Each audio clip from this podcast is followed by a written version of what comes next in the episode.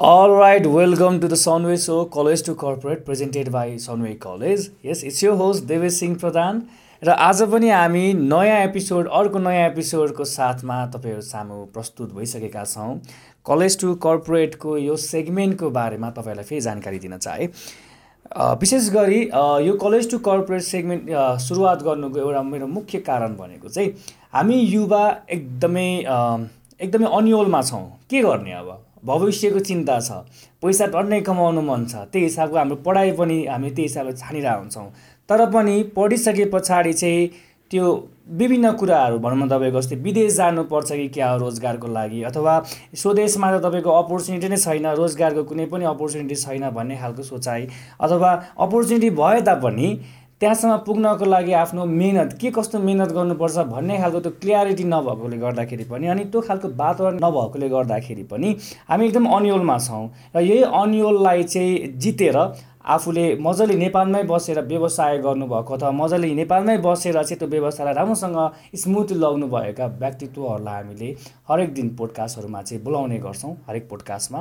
र उहाँहरूको अनुभव उहाँहरूको भोगाइ र उहाँहरू अहिले जुन लेभलमा हुनुहुन्छ त्यो लेभलसम्म जानको लागि उहाँहरूले गर्नुभएको मिहिनेत परिश्रम प्रिपरेसनका कुराहरू चाहिँ हामीले यो पोडकास्टहरू मार्फत सेयर गर्ने गर्छौँ। So the only intention of this podcast is युवाहरूलाई कसरी हुन्छ अथवा ग्रेजुएट्सहरूलाई कसरी हुन्छ? आफ्टर दियर कलेज नेपालमा धेरै अपर्च्युनिटी छ भनेर पोजिटिभ म्यासेज दिनको लागि नै हामीले स्टार्ट गरेका हौँ। र खुसीको कुरा आज हामी दसौँ एपिसोड सकाएर एघारौँ एपिसोडमा हामी छिर्दैछौँ। अनि यो एपिसोडको क्रम जारी नै हुनेछ। त्यसको लागि तपाईँहरूले गर्नुपर्ने एउटै मात्रै काम भनेको चाहिँ पहिलो कुरा च्यानललाई सब्सक्राइब गर्नुहोस् लाइक सेयर गर्नुहोस् अनि यस तपाईँहरूले बेल आइकन दाब्नु भए पछाडि हरेक एपिसोडको तपाईँले इन्स्ट्यान्टली अपडेट पाउनुहुन्छ। त्यो इन्स्ट्यान्टली अपडेट पाएपछि तपाईँले चेक गर्नुभयो भने डेफिनेटली एउटा सानो के अरे बुदा अथवा सानो भनाइले तपाईँको लाइफ चेन्ज हुनसक्छ ह्याभिङ सेड द्याट आज पनि हाम हामीसँग एकदमै इन्फर्मेटिभ इन्टरेक्टिभ र अहिले इन्भाइरोमेन्टल इन्जिनियर भनेर पनि हामीले उहाँलाई चिन्न सक्छौँ। किन भन्दाखेरि उहाँको त्यही हिसाबको देन रहेको छ इन्भाइरोमेन्टल इन् अ, लाई चाहिँ अलिकति स्मुथली कसरी अगाडि बढाउने चेन्ज कसरी गर्ने भन्ने खालको उहाँको उद्देश्य पनि रहेको छ। हामीसँग क्लाइमेट एडभोकेसी इन्टरनेसनलको एक्जिक्युटिभ डिरेक्टर र साथसाथै दिगो विकास प्रणालीको सिइओ धर्मकेशी सर हामीसँग साथमा आउनुहुन्छ स्वागत छ धर्म सर हजुरलाई आजको हाम्रो यो पोडकास्टमा हस् धन्यवाद मलाई यहाँ निमन्त्रणा गर्नुभएकोमा। जस हजुरले पोडकास्टको लागि आफ्नो समय छुट्याएर आउनुभयो अनि अब डेफिनेटली यो पोडकास्टमा हजुरले सेयर गर्नुहुने आफ्नो अनुभव हजुरको भोगाइ कसरी कहिले मतलब यो लेभलसम्म पुग्नको लागि हजुरले गर्नुभएको आफ्नो मेहनतका कुराहरू हामीले सेयर गर्नेछौँ। अनि आशा छ तपाईँको अनुभवले चाहिँ म लगायत अरू हजारौँ लाखौँ युवाहरू जो चाहिँ अब कलेज सकाए पछाडि चाहिँ के गर्न सकिन्छ अथवा विदेशी नै पो पढ्ने हो कि अथवा युवाको लागि अहिलेको के भन्छ पोसिबिलिटीहरू भनौँ न होइन सो त्यो विशेषमा हजुरको अनुभव हजुरको अनुभवले चाहिँ केही चेन्जेस पक्कै पनि ल्याउनेछ भन्ने कुराहरू। चल आज हाम्रो यो पोडकास्टमा आउनको लागि त्यस्तो केही गाह्रो गाह्रो अप्ठ्यारो पऱ्यो कि परेन छैन छैन। सजिलो ठाउँमा रहेछ लोकेसन कलेजको लोकेसन पनि मैती देवी मन्दिरबाट ठ्याक्क लेफ्ट मोडियोस् मोडिनुहोस् भनेपछि ठ्याक्कै कलेजको गेटमै आउने त्यस्तो केही अप्ठ्यारो भएन। ओके सो यस तपाईँहरूले यदि आइटीमा केही मतलब आइटीको शिक्षा लिन्छु केही गर्छु भन्ने प्लान छ र प्लस अहिले सनवे कलेजले चाहिँ डेटा साइन्स र डिजिटल मार्केटिङमा नयाँ कोर्स जुन चाहिँ युके बेस्ड युनिभर्सिटी अन्तर्गतको बिसियुको कोर्स ल्याउनु भएको छ यदि तपाईँहरू त्यसमा इन्ट्रेस्टेड हुनुहुन्छ र कलेज खोज्दै हुनुहुन्छ सनवे कलेजमा आउन चाहनुहुन्छ भने सरले भने जस्तै म मैती देवीको मन्दिर कट्ने बित्तिकै लेफ्ट साइड मोड्नुहोस् कलेज भेट्नुहुन्छ। ओके सर मैले अ, भनौँ न तपाईँलाई पोडकास्टमा इन्भाइट गर्नुको मुख्य कारण भनेको पनि हजुरले अ, दिनुभएको जुन देन छ होइन रिसेन्टली हजुर पोलिटिक्समा पनि आफ्नो एउटा के भन्छ भूमिका तपाईँले प्रेजेन्ट गर्नुभएको थियो and you did a very wonderful जब पनि होइन एउटा कुनै एउटा नेपालकै एउटा पार्टमा जुन जहाँ चाहिँ तपाईँ आफू जन्मिनु भयो त्यो ठाउँलाई रिप्रेजेन्ट गरेर त्यसमा के गर्छु भन्ने एउटा सोच राखेर त्यहाँ पुग्नु भयो उठ्नु पनि भयो होइन। त्यस पछाडिको रिजल्ट त छँदैछन् तर त्यहाँसम्म पुग्नको लागि पनि जुन इनिसिएसन चाहिन्छ त्यो इनिसिएसन प्राय युवाहरूमा छैन नि त। हामी देख्दैनौँ। तर हजुरले इनिसिएसन लिनुभयो त्यहाँसम्म पुग्नुभयो होइन। रिप्रेजेन्ट पनि गर्नुभयो होइन। र मुख्य गरी चाहिँ हजुरलाई यो इनिसिएसन लिनुपर्छ भन्ने सोच आउनुको मुख्य कारण चाहिँ के हुनुपर्छ सर?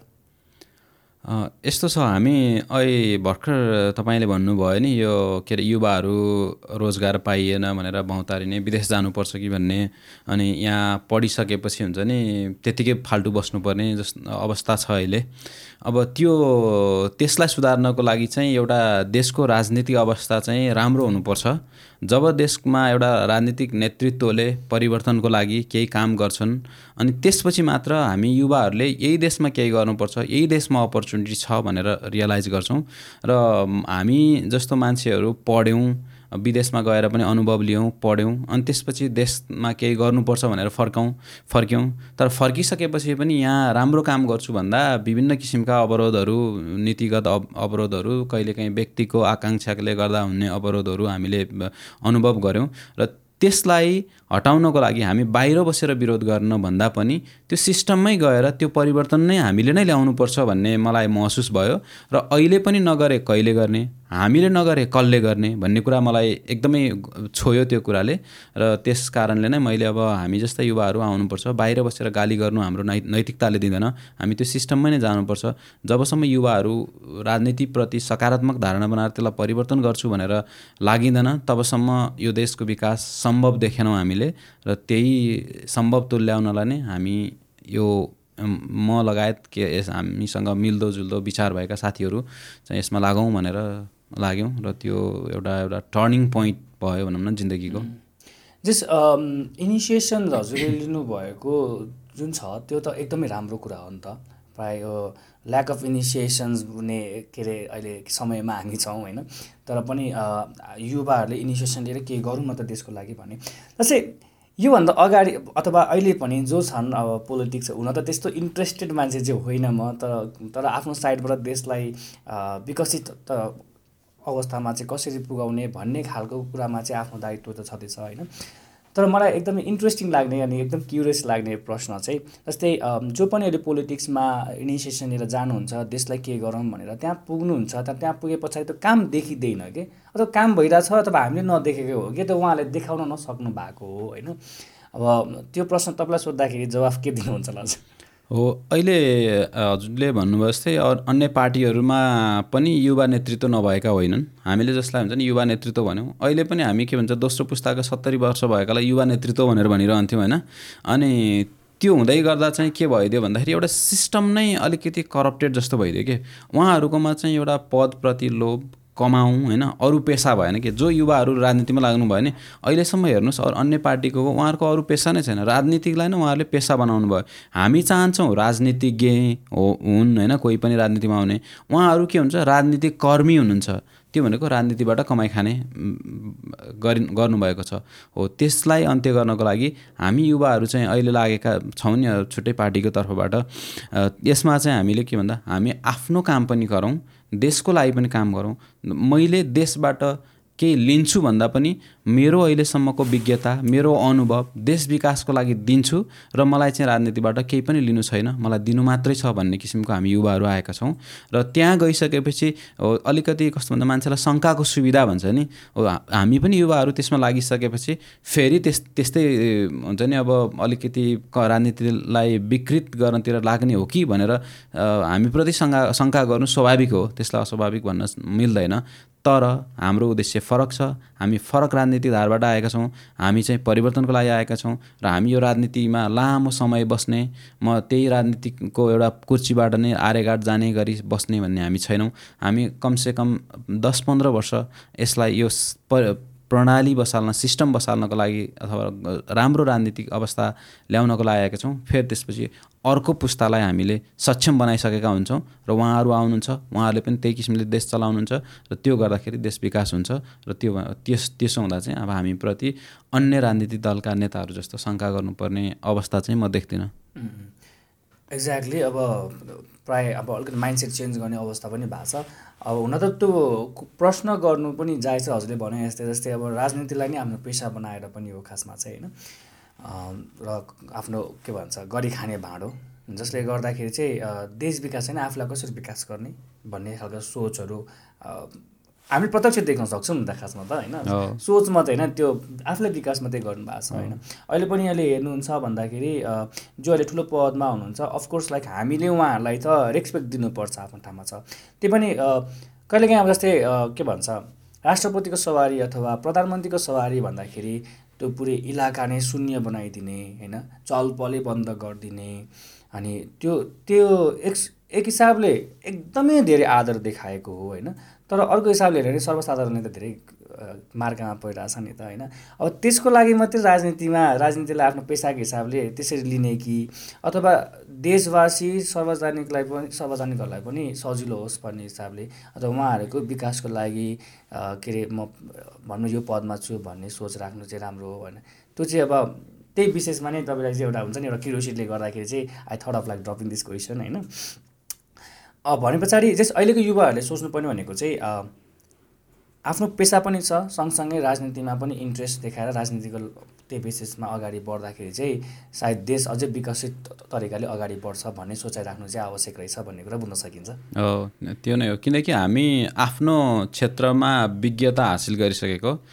मा छौँ होइन? त्यो भएकोले देशमा त्यो क्षेत्रको लागि कन्ट्रिब्युसन अथवा योगदान दिनलाई कसरी काम गर्नुपर्छ भन्ने हामीलाई राम्रोसँग थाहा छ। र राजनीति भनेको जनसरोकारको विषयहरूमा फोकस हुनुपर्छ।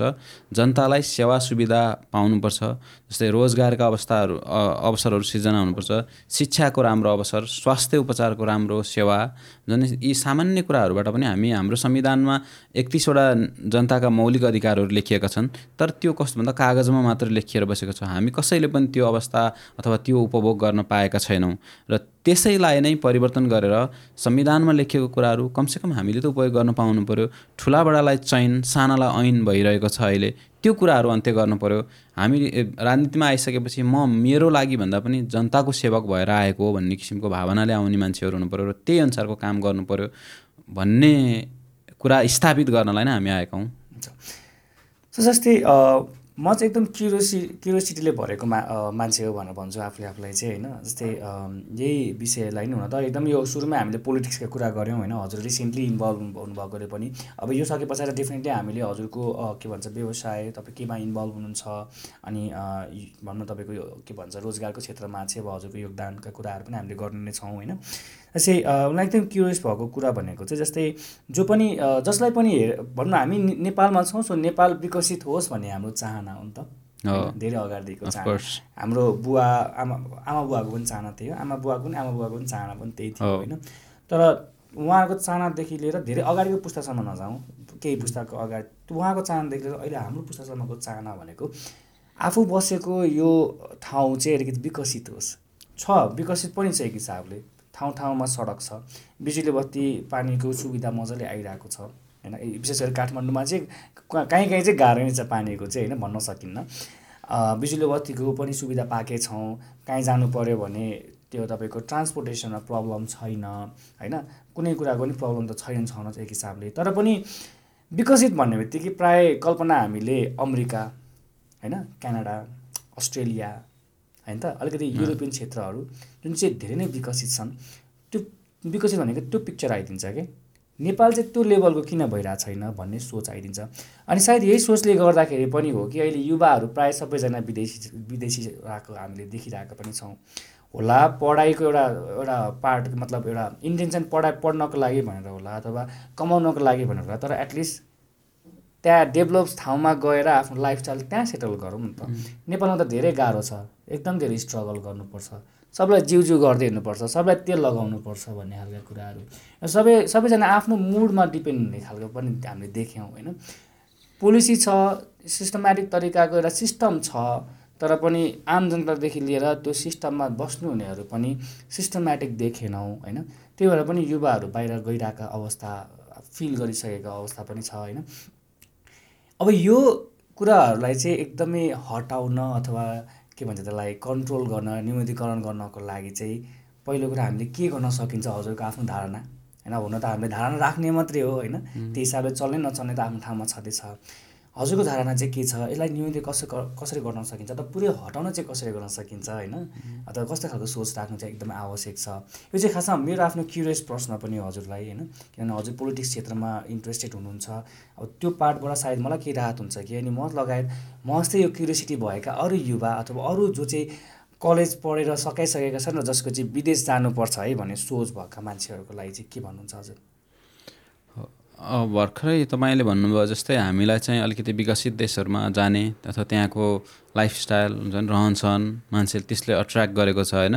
जस्तै कोही मान्छे अस्ट्रेलिया जान्छ भने दोस्रो दिन सिडनी हार्बरमा गएको फोटो फेसबुकमा राख्छन् होइन?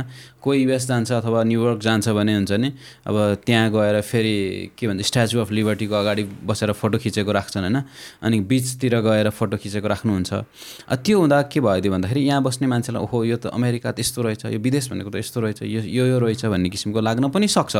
तर त्यो त्यति भन्दै गर्दा हामी एउटा अविकसित हौँ अथवा विकासशील देश छौँ अहिले र विकास केही भयो तर जुन रफ्तारमा हुनुपर्थ्यो जस्तै आजभन्दा दस पन्ध्र वर्ष अगाडि हाम्रै स्थितिमा रहेको कम्बोडिया बङ्गलादेश इथोपिया जस्ता देशहरू आज उनीहरू धेरै विकास गरिसके हाम्रो जिडिपीभन्दा उनीहरूको स दसौँ गुणा बढी जिडिपी भइसक्यो प्रति व्यक्ति आए त्यसरी नै बढिसक्यो र हाम्रो चाहना पनि नेपालीहरूको चाहना पनि त्यसै त्यस्तै किसिमले नै विकास देश विकास भइदिए हुन्थ्यो भन्ने हो।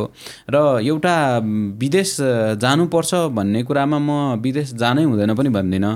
अब विदेश हो हाम्रो यहीँ अवसर भइदियो भने अथवा सरकारले अहिले मैले भनिसकेँ नि विभिन्न किसिमको रोजगार उद्योग धन्दाहरू खुल्ने अब राजनीति सबैभन्दा ठुलो कुरा विकासको लागि चाहिँ एउटा राजनीतिक चाहिँ सही ट्र्याकमा हिँड्नुपर्छ र राजनीतिज्ञहरूको एउटा चाहना हुनु पऱ्यो कि देशै विकास गर्नुपर्छ।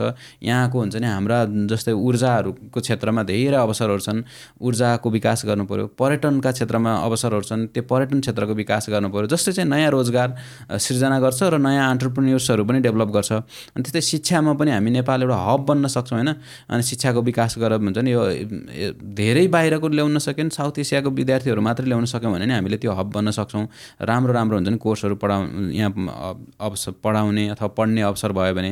अनि शिक्षामा पनि के हुन्छ भन्दाखेरि तपाईँले हेर्नुभयो भने सरकारी कलेजहरूमा एउटा शिक्षामा राजनीति भएको देख्छौँ हामीले। अब के भन्छ त्यहाँ कलेजको भिसी नियुक्त गर्नु पर्ने हुन्छ कुन पार्टीको नियुक्त गर्ने कसको कसलाई यो भाग पर्छ भन्ने हुन्छ होइन? अनि टिचर्सहरूलाई मलाई यहाँ एउटा कस्तो भन्दा विदेशतिर गइसकेपछि प्रोफेसर भनेपछि एकदमै सबैभन्दा रेस्पेक्टेड त्यो जब मानिन्छ होइन? उहाँहरू एउटा रिसर्चमा फोकस हुने। अलिकति उहाँहरूले गरेको रिसर्च चाहिँ अब सरकारले हुन्छ नि त्यसलाई इम्प्लिमेन्टेसन गरेर देश विकासमा लगाउने त्यो हुन्छ। तर यहाँ चाहिँ के हुन्छ हामी हेलमेट टिचर भन्छौँ होइन? पढायो एउटा कलेजमा पढायो फेरि दौडी दौडी अर्को क्लास अर्कोमा पढाउनु जानुपर्ने हुन्छ। अनि त्यो भनेको बाँच्नको लागि हुन्छ नि दौडिनु पर्ने अवस्थाहरू छ। त्यो भएकोले अब त्यो अवस्था अन्त्य गर्न सकियो। शिक्षा सबैभन्दा ठुलो कुरा हो। राजनीतिले त्यसलाई सही ट्र्याकमा जानुपर्छ भनेर अलिकति यसलाई पोलिटिसाइज नगरिकन राम्रोसँग गरियो भने चाहिँ अनि हामीले यही नै विकासको अवस्थाहरू सिर्जना गर्न सक्छौँ र हामीले विदेश जाने भनेको चाहिँ विदेश गइसकेर सिकेर आउने हो त्यहाँ नयाँ कुरा सिक्ने त्यही अनुसार देशमा के गर्न सकिन्छ कि भन्ने अवसरहरू पनि हामीले यहाँ स्थापित गर्नुपर्छ। त्यो भइदियो भने अहिले हाम्रा नेपाली विज्ञहरू विश्वका विभिन्न देशहरूमा ठुला ठुला हुन्छ नि कम्पनीहरूमा ठुला ठुला रिसर्च इन्स्टिट्युट्सहरूमा अथवा विश्वविद्यालयहरूमा प्रोफेसर भएर बस्नुभएका नेपाली विज्ञहरू हुनुहुन्छ। उहाँहरू त्यो देशमा बसिरहन चाहनुहुन्न उहाँ यो देशमा फर्केर केही गर्न चाहनु चाहनुहुन्छ तर यो देशमा के हुन्छ उहाँहरूको विज्ञताको कदर हुँदैन र त्यसले गर्दा आउन सक्नुभएको छैन र हामी चाहिँ त्यो अवस्था पनि अब बाहिर जाने केही सिक्ने र देशलाई नै कन्ट्रिब्युसन गर्छु अथवा यही देशको विकास गर्छु यही देशमा नै म बसेर काम गर्छु भन्ने अवस्था सिर्जना गर्न पनि हामी आएका छौँ र त्यति हामीले हुन्छ नि अब होला केही समय लाग्ला र त्यति गर्न सक्यौँ भने हाम्रो देशमा प्राकृतिक स्रोत साधनले सम्पन्न देश छ छिटै विकास गर्न सक्छौँ र हामी पनि अब एउटा के भन्छ मिडल इन्कम कन्ट्रीको रूपमा पुग्नलाई त्यति धेरै लामो समय कुर्नुपर्ने अवस्था चाहिँ देख्दिनँ म। एक्ज्याक्टली मलाई जस्तै कसरी मलाई विदेश जानु मन छैन भनेर सोध प्रायः सोध्नुहुन्छ कि? अब जस्तै अहिले मैले तपाईँलाई यो क्युरियसको क्वेसन राखेँ नि कतिपयले हेर्नु हुनेहरूले पनि सायद भन्नु होला कि यसलाई चाहिँ विदेश जान मन लाग्दैन कि क्या भनेर। अफकोर्स विदेश जान मन लाग्छ सबैलाई विदेश गर्न मन लाग्छ होइन? मलाई विदेश भन्दा पनि त्यो ठाउँ हेर्न मनपर्छ होइन? जस्तै विदेशका भनौँ न मान्छेहरू नेपालमा आएर नेपालका ठाउँ हेरेर रुचाउँछन् नि। त्यस्तै मलाई पनि त्यहाँको चाहिँ नेपाली टुरिस्ट भएर जान मन छ। घुम्न जान मन छ भन्नु एक हिसाबले होइन। सो त्यसरी सोचाइ राख्ने युवाहरू पनि छन् नेपालमा नभएका चाहिँ होइनन् होइन?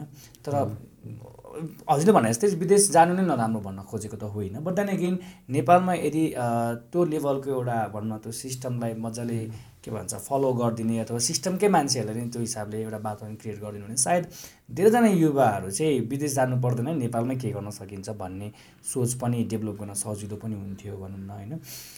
आशा छ अपकमिङ डेजमा चाहिँ डेफिनेटली युवाहरू नै पोलिटिक्समा अगाडि छिर्दैछन् भने पछाडि केही न केही चाहिँ चेन्जेस डेफिनेटली हुन्छ। अब अहिले पनि हेरौँ न जस्तै जस्ट इक्जाम्पल मात्रै अब जस्तै बालेन शाह उहाँ के अरे महानगरी एउटा एउटा पदमा पुग्नु भयो होइन?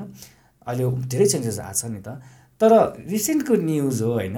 उहाँकै टोली मध्येमा पनि अब तपाईँको त्यहाँबाट एउटा विकृति सुरु भइरहेको हामीले देख्न पायौँ न्युजमा सुन्न आयो होइन? भने पछाडि चाहिँ I don't like what's going on people's mind के हुन्छ नि बालेन्स बालेन सा सरले गर्न खोज्नुभएको कुरा त एकदमै राम्रो हो नि त। तर उहाँको टिम मध्येमा अब भित्रभित्र तपाईँको घुसका कुराहरू भइरहेछन् होइन? अनि के अरे तैँले गर्ने कि मैले गर्ने त्यो गरिसकेको काममा पनि ओहदाको कुराहरू आइरहेछ। अब यो चाहिँ कसरी हटाउने भन्ने कुरा सोध्नु पनि एकदमै अन्जायज प्रश्न जस्तो लाग्छ मलाई। किन भन्दाखेरि that person need to understand नि त like बालिन is doing something great for for यो दिगो विकास ने नेपालको दिगो विकासको लागि अनि उसको टिममा रहेर आई क्यानट लाइक बी एकदमै सेल्फिस होइन? म आफ्नो लागि मात्रै सोच्ने कुरा मान्छे त बन्नु भएन नि त होइन? सो त्यो लेभल त्यो लेभलको कुराहरू चाहिँ लाइक त्यो पनि एउटा भयो भने सायद अझै देश विकास हुने कुरा चाहिँ सजिलो पनि हुन्छ जस्तो लाग्छ मलाई चाहिँ होइन? किनभने यहाँनिर तपाईँको प्रधानमन्त्री मन्त्री मात्रै भएर पनि देश विकास हुने होइन नि त। जो जो जस्ट जस्ट एन इक्जाम्पल जस्तै म यो कलेजमा मेरो फाउन्डर छु भने यो यो कलेजलाई मैले कसरी लग्छु भन्ने त मेरो सोचको कुरा हो नि त। यदि मैले यहाँ धाँधली गर्न थाल्यो भने त सायद कलेज त एकदम बदनामै हुन्छ नि त। र कलेज त जानु पनि रेसियोमा जाँदैन भन्न खोजेको जस्तै जो चाहिँ जुन पदमा छ त्यो पद अनुसारको काम राम्रोसँग गर्नु पऱ्यो यो होइन कि यसबाट मलाई पैसा आउँछ मेरो रोजगार हो रोजगारको बाटो तर त्यसलाई पैसाकै हिसाबले मात्रै हेर्नु पनि भएन अथवा त्यसलाई चाहिँ यो काम गरे पछाडि मेरो भनौँ अब देश विकास हुन्छ अथवा मेरो संस्था राम्रो हुन्छ भन्ने तरिका पनि लिनु पऱ्यो जस्तो चाहिँ लाग्छ है मलाई चाहिँ अब आई डोन्ट लाइक यो सानो सोच हो कि ठुलो सोच हो होइन? अनि यस्तो हो त्यसमा अब कस्तो भन्दा अब कसैलाई जिम्मेवारी दिइन्छ हामीले? अब निर्वाचित प्रतिनिधिहरू जनप्रतिनिधिहरूले अब अहिले पनि हामीले भोगेको कुराहरू चाहिँ अलिकति यो त काठमाडौँ महानगर भयो होइन यहाँकोमा यहाँका मतदाताहरूले चाहिँ कसलाई मत दिँदा चाहिँ यो साँच्चै नै विकास हुन्छ यो क्षेत्रको अथवा कसले चाहिँ राम्रो गर्न सक्छ भनेर एउटा आइडेन्टिफाई गर्न सक्ने चेतना छ यो सहरी क्षेत्रमा विशेष गरी पढे पढे लेखेका मानिसहरू बस्ने भएकोले र त्यो किसिमको विभिन्न किसिमको सञ्चार माध्यमहरूबाट पनि त्यो त्यस सम्बन्धी आफूलाई सुसूचित गरिरहनु भएको छ र त्यसले उहाँहरूको डिसिजन सम् राम्रै डिसिजन गर्नुहुन्छ तर त्यो अवस्था गाउँ गाउँमा छैन। अनि त्यसले गर्दाखेरि उहाँहरूले एक त नेतृत्व छान्दाखेरि नि कहिले गलत नेतृत्व पनि परिरहेको हुनुहुन्छ होइन? त्यो धेरै ठाउँमा हुनुहुन्छ त्यो हामीले अहिले राजनीतिमा अहिले निर्वाचित भएका सदस्यहरू हेऱ्यौँ भने पनि हुन्छ नि अब मासु भात खुवाएर अथवा पैसा बाँडेर जित्नेहरू पनि हुनुहुन्छ होइन? त्यस्तो किसिमको नेतृत्वले त राम्रो काम गर्दै गर्नुहुन्न उहाँ त फेरि उठाउनै लाग्नुहुन्छ। तर तपाईँले भन्नुभयो जस्तो बालनको उदाहरण लिनुभयो। हो उहाँ आफैमा राम्रो काम गर्छु भनेर आउनुभएको छ र उहाँको टिममा हुने मान्छेहरूले नराम्रो काम कसैले हुन्छ नि त्यो नराम्रो काम गर्ने चेष्टा पनि गर्नुभएको छ भन्नुभयो होइन? हो त्यसको लागि नै हामीले के गर्छ एउटा सिस्टम बसाल्नुपर्छ। त्यो जिम्मेवारी लिइसकेको मान्छेले उसको जिम्मेवारी पूर्ण रूपमा पालना गरेको छ कि छैन भन्ने कुरालाई त्यो चेक एन्ड ब्यालेन्स भन्छ होइन? त्यसलाई मोनिटरिङ भन्छ नि त्यसलाई अनुगमन। हो त्यो संयन्त्र पनि त्यत्तिकै सशक्त हुनुपर्छ। एउटा व्यक्ति आउँदैमा त्यो धेरै चेन्ज त हुन्छ तर त्यो भित्र हुन्छ नि व्यक्तिको नाममा फेरि उहाँको छत्रछायामा बसेर गलत किसिमको मानसिकता भएर व्यक्तिगत लाभ लिन खोज्नेहरू पनि हुन सक्नुहुन्छ र उहाँहरूलाई कसरी नियन्त्रण गर्ने भन्ने चाहिँ हामीले एउटा संयन्त्र बनायौँ भने त्यसले त्यसलाई नियन्त्रण गर्छ र अन्त्यमा हामीले खोजेको पनि एउटा प्रणालीमा सिस्टममा देश चलोस् होइन। सिस्टममा कुनै पनि पालिकाहरू नगरपालिका अथवा महानगरपालिकाहरू चलुन् र त्यसले गर्दाखेरि चाहिँ हामीले जनतालाई दिनुपर्ने सेवा सुविधा राम्रोसँग दिन सकियोस् विकासका कामहरूमा अवरोध नहोस् राम्रो काम अगाडि बढोस् कसैले पनि त्यसबाट व्यक्तिगत फाइदा लिन नसकोस् भन्ने कुरा नै स्थापित गराउन खोजेको हो। सो जस्तै त्यही त हजुरले भने जस्तै त्यो लेभलकै सोच भयो भने सा साँच्चै नै हामीले कल्पना गरेको नेपाल अथवा हामीले पाउनुपर्ने जुन भनौँ न हामीले सोचेको जुन हाम्रो आफ्नो व्यक्तिगत लाइफस्टाइल पनि सायद त्यही हिसाबले चेन्ज पनि हुन्छ भन्ने कुरा छ होइन? आज सब अपकमिङ डेजमा चाहिँ सायद हामीले सोचे जस्तै हाम्रो पुस्ताले त अब ठिकै छ होइन? अब हाम्रो पुस्ता अझै अझै अगाडि बढ्नु बाँकी छ नि त। अब हाम्रो पछाडिको पुस्ताले चाहिँ सायद त्यो लेभलको अनुभूति गर्ने मौका चाहिँ पाउँछ कि भन्ने कुरामा चाहिँ हामी ढुक्क होइन? अब यो आज आई डोन्ट लाइक अब हुन त कलेज टु कर्पोरेट सेगमेन्टमा हो हामी होइन? तर प्रायः अब यो पोलिटिक्सको कुराहरू अनि जस यो कुराले पनि युवाहरू धेरै मोटिभेटेड एउटा पार्ट पनि भएकोले गर्दा पनि हामीले यो कुरालाई चाहिँ एक्चुली प्लस त हजुर पनि एउटा यसमा चाहिँ स्पेसलाइज हुनुभएकोले गर्दाखेरि पनि हामीले सुरुमै पोलिटिक्सका कुराहरू पनि गऱ्यौँ होइन? चाहिँ मैले हजुरको प्रोफाइलहरू सर चेक गर्दाखेरि चाहिँ आई अल्सो फाउन्ड लाइक हुन्छ नि हजुर इन्टरनेसनल ग्रेजुएट हुनुहुन्छ भन्ने कुराहरू होइन? विदेशमा पढेर आउनु भएको छ हजुरले ब्याचलर मास्टर कम्प्लिट गर्नुभएको छ। एक हिसाबले लाइक हजुरको जस्तै भनौँ बाहिर गएर पढेर आउनुभयो तर नेपालमै केही गर्छु भन्ने सोच राखेर आउनु भएको छ नि त नेपालमा होइन? And you're doing fantastic work पनि। हजुरको आफ्नो संस्था छ संस्थालाई चलाइराख्नु पनि भएको छ। संस्थाको बारेमा अझै हामीले मजाले बुझ्ने पनि छौँ होइन? तर मलाई एउटा सबभन्दा सुरुमा सोध्न मन लागेको प्रश्न भनेको चाहिँ काइन्ड अफ लाइक यो इन्काउन्टर प्रश्न पनि हो। अनि यो पोडकास्टमा चाहिँ प्रायः हामी प्रश्न एन्सर त्यसरी नै गरिरहेको पनि हुन्छौँ होइन? जस्तै नेपालमा पनि युनिभर्सिटिजहरू छन् टपेस्ट युनिभर्सिटीहरू पनि छन् त्रिभुवन युनिभर्सिटी नै एउटा टपेस्टमा पर्छ होइन? तर पनि प्राय युवाहरू विदेशी युनिभर्सिटीहरूमा नै आबद्ध छन् मतलब विदेशमा गएर पढ्ने अथवा यहीँ पनि विदेशी युनिभर्सिटीहरू लिएर पढ्ने भन्ने खालको कुरा पनि छ। के उच्च शिक्षा हासिल गर्नको लागि अथवा एउटा खत्रै मान्छे बन्छु भन्ने सोच भएर प हामी पढिन्छ नि त सो त्यो पढ्नको लागि कि नेपालको युनिभर्सिटी त्यो लेभलको छैन कि? अथवा त्यो लेभलको पढाइ दिन सकिरहेको छैन कि अथवा दिन सकिरहेको छैन भने पनि सायद के कुरामा चाहिँ ल्याकिङ छ होइन? त्यो चाहिँ मलाई तपाईँलाई सोध्न मन लाग्यो होइन कि? यो होइन कि लाइक तपाईँ बाहिर गएर पढ्नुभएको त्यो होइन त्यसरी चाहिँ होइन होइन? बट लाइक अगेन हजुर बाहिरबाट पढेर आउनु भएको छ अर्को युनिभर्सिटी हो नि त। नेपालको युनिभर्सिटीमा चाहिँ त्यो खालको तपाईँले भने जस्तै खालको त्यो एजुकेसनहरू पाउनु भएन कि? के छ के भन्नुहुन्छ हजुर यसमा? अहिले रिसेन्टली चाहिँ नेपालमा पनि राम्रो राम्रो कलेजहरू अथवा विश बाहिरका राम्रा युनिभर्सिटीहरूको अफिलेसनमा त्यहीँको कोर्स यहाँ चलाउने र नेपालमै बसेर पनि गुणस्तरीय शिक्षा भनौँ न विभिन्न यो टेक्निकल सब्जेक्टहरूमा र नन टेक्निकल सब्जेक्टहरूमा पनि पाउने अवस्था सृजना हुँदैछ भन्छु म। भइसकेको नि धेरै त भइसकेको छैन होइन? अनि तर हामीले अझै पनि मलाई के लाग्छ भने हामीले पढ्ने बेलामा त नेपालमा कस्तो भन्दा एउटा घोक्यो जसले घोक्यो उसले राम्रो गर्यो जसले हुन्छ नि सरसर्ती त्यो के भन्छ गाइड घोक्यो अथवा किताब घोकेर लेख्न सक्यो नि त्यो क्वेसनको एन्सर दिन सक्यो उसले चाहिँ डिस्टिङसन लिएर आयो। अरू सामान्य अलिकति हुन्छ नि प्र्याक्टिकल कुराहरू जसले इम्प्लिमेन्ट गर्न खोज्छ जो अलिक रिसर्च फोकस हुन्छ अथवा कुनै स्पेस स्पेसिफिक सब्जेक्टमा स्पेसलाइज गर्न खोज्छ हुन्छ नि उहाँहरूको लागि चाहिँ यहाँ त्यो त्यो किसिमको इन्भाइरोमेन्ट थिएन। अनि केही गर्नुपर्छ भनेर भन्यो भने घोक्नी मात्र घोकन्ते विद्या भन्छ नि त्यो त्यस्तै हुन्थ्यो। र अनि हाम्रा यहाँका विश्वविद्यालयहरू जस्तै त्रिभुवन विश्वविद्यालयहरू र अरू विश्वविद्यालयहरू पनि छन् होइन तिन नाम नलिउँ सबैको। त्यहाँ चाहिँ कस्तो भन्दा मैले पनि भनिसकेँ अगाडि पनि अलिकति बढी राजनीति भयो। अनि टिचरहरूलाई हुन्छ नि अथवा त्यहाँको प्रोफेसरहरूलाई चाहिँ त्यहीँ नै बसेर आफ्नै एउटा प्रयोगशालाहरू अथवा रिसर्च ल्याबहरू सञ्चालन गरेर अथवा कुनै अनुसन्धान केन्द्रहरू हुन्छ नि सञ्चालन गरेर अनि विद्यार्थीहरूलाई पनि त्यही किसिमको नलेज दिने आफूले पनि त्यसैमा मात्र दत्तचित्त भएर लागेर के भन्छ रिसर्च जर्नलहरू पब्लिस गर्ने र आफूले निकालेका ती रिसर्चका आउटकमहरू नेपालका विकासको लागि उपयोग गर्ने त्यो वातावरण भएन। हाम्रो त के भन्दा एउटा टिचर भनेको साँच्चै नै हुन्छ नि। सबैभन्दा कतै पनि काम नपाएपछि चाहिँ टिचर्स हुने भन्ने किसिमको मानसिकतामा हामी गयौँ। र राम्रा प्रोफेसरहरू पनि हुनुहुन्छ यहाँ। त त्यो उहाँहरूलाई पनि कस्तो भन्दा अलिकति राम्रोसँग हुन्छ नि आम राम्रो आम्दानी हुने राम्रो जीवनस्तर बिताउन सक्ने वातावरण उहाँहरूको आफ्नै पेसामा मात्र निर्भर भएर हुने अवस्था आएन। र त्यसले गर्दाखेरि चाहिँ नेपालमा शिक्षाको क्षेत्रमा धेरै सुधार्नुपर्ने अवस्थाहरू छन्। र हामी विदेश जाँदै गर्दा हामी विदेश गएर पढिसकेपछि हामीलाई अनुभव भयो होइन? त्यहाँको शिक्षाको क्वालिटी कस्तो छ? विद्यार्थीहरूलाई कसरी सिकाइन्छ?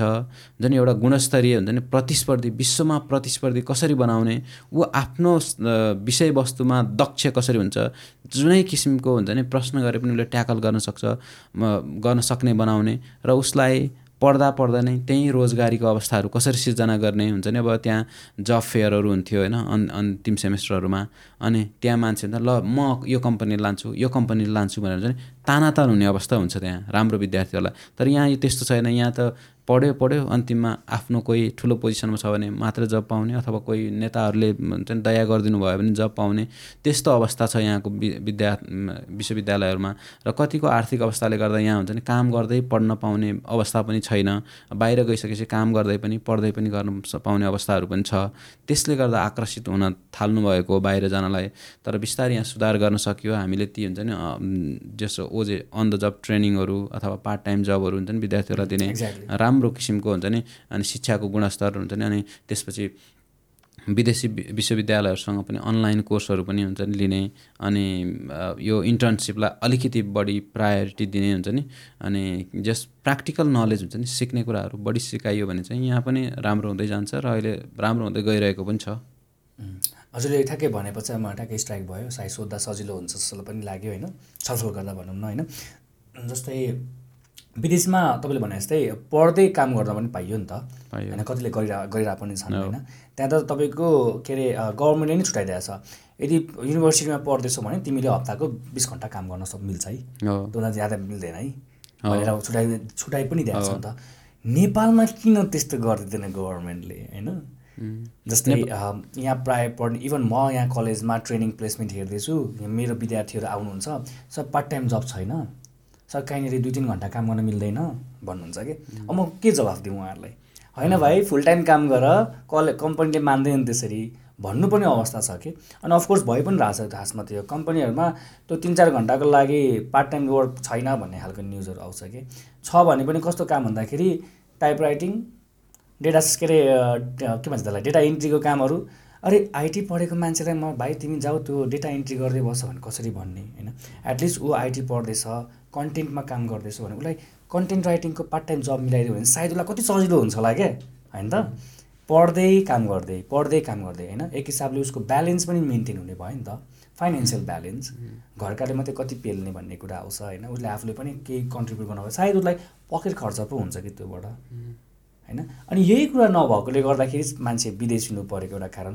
मैले त्यो फिल गरेर चाहिँ तपाईँले ठ्याक्कै भनि पनि दिनुभयो होइन? अब यो पार्टमा त तपाईँ तपाईँ जस्तै कम्पनीको ओनर पनि हुनुहुन्छ होइन? हजुरले आफ्नो कम्पनी चलाइ व्यवसाय चलाइरहनु भएको छ। तपाईँको साइडबाट हेर्नु पर्दाखेरि चाहिँ कतिको जायज होला त यो पार्ट टाइमको एउटा के अरे काम निकालिदिने खालको कुराहरू? कतिको जायज होला?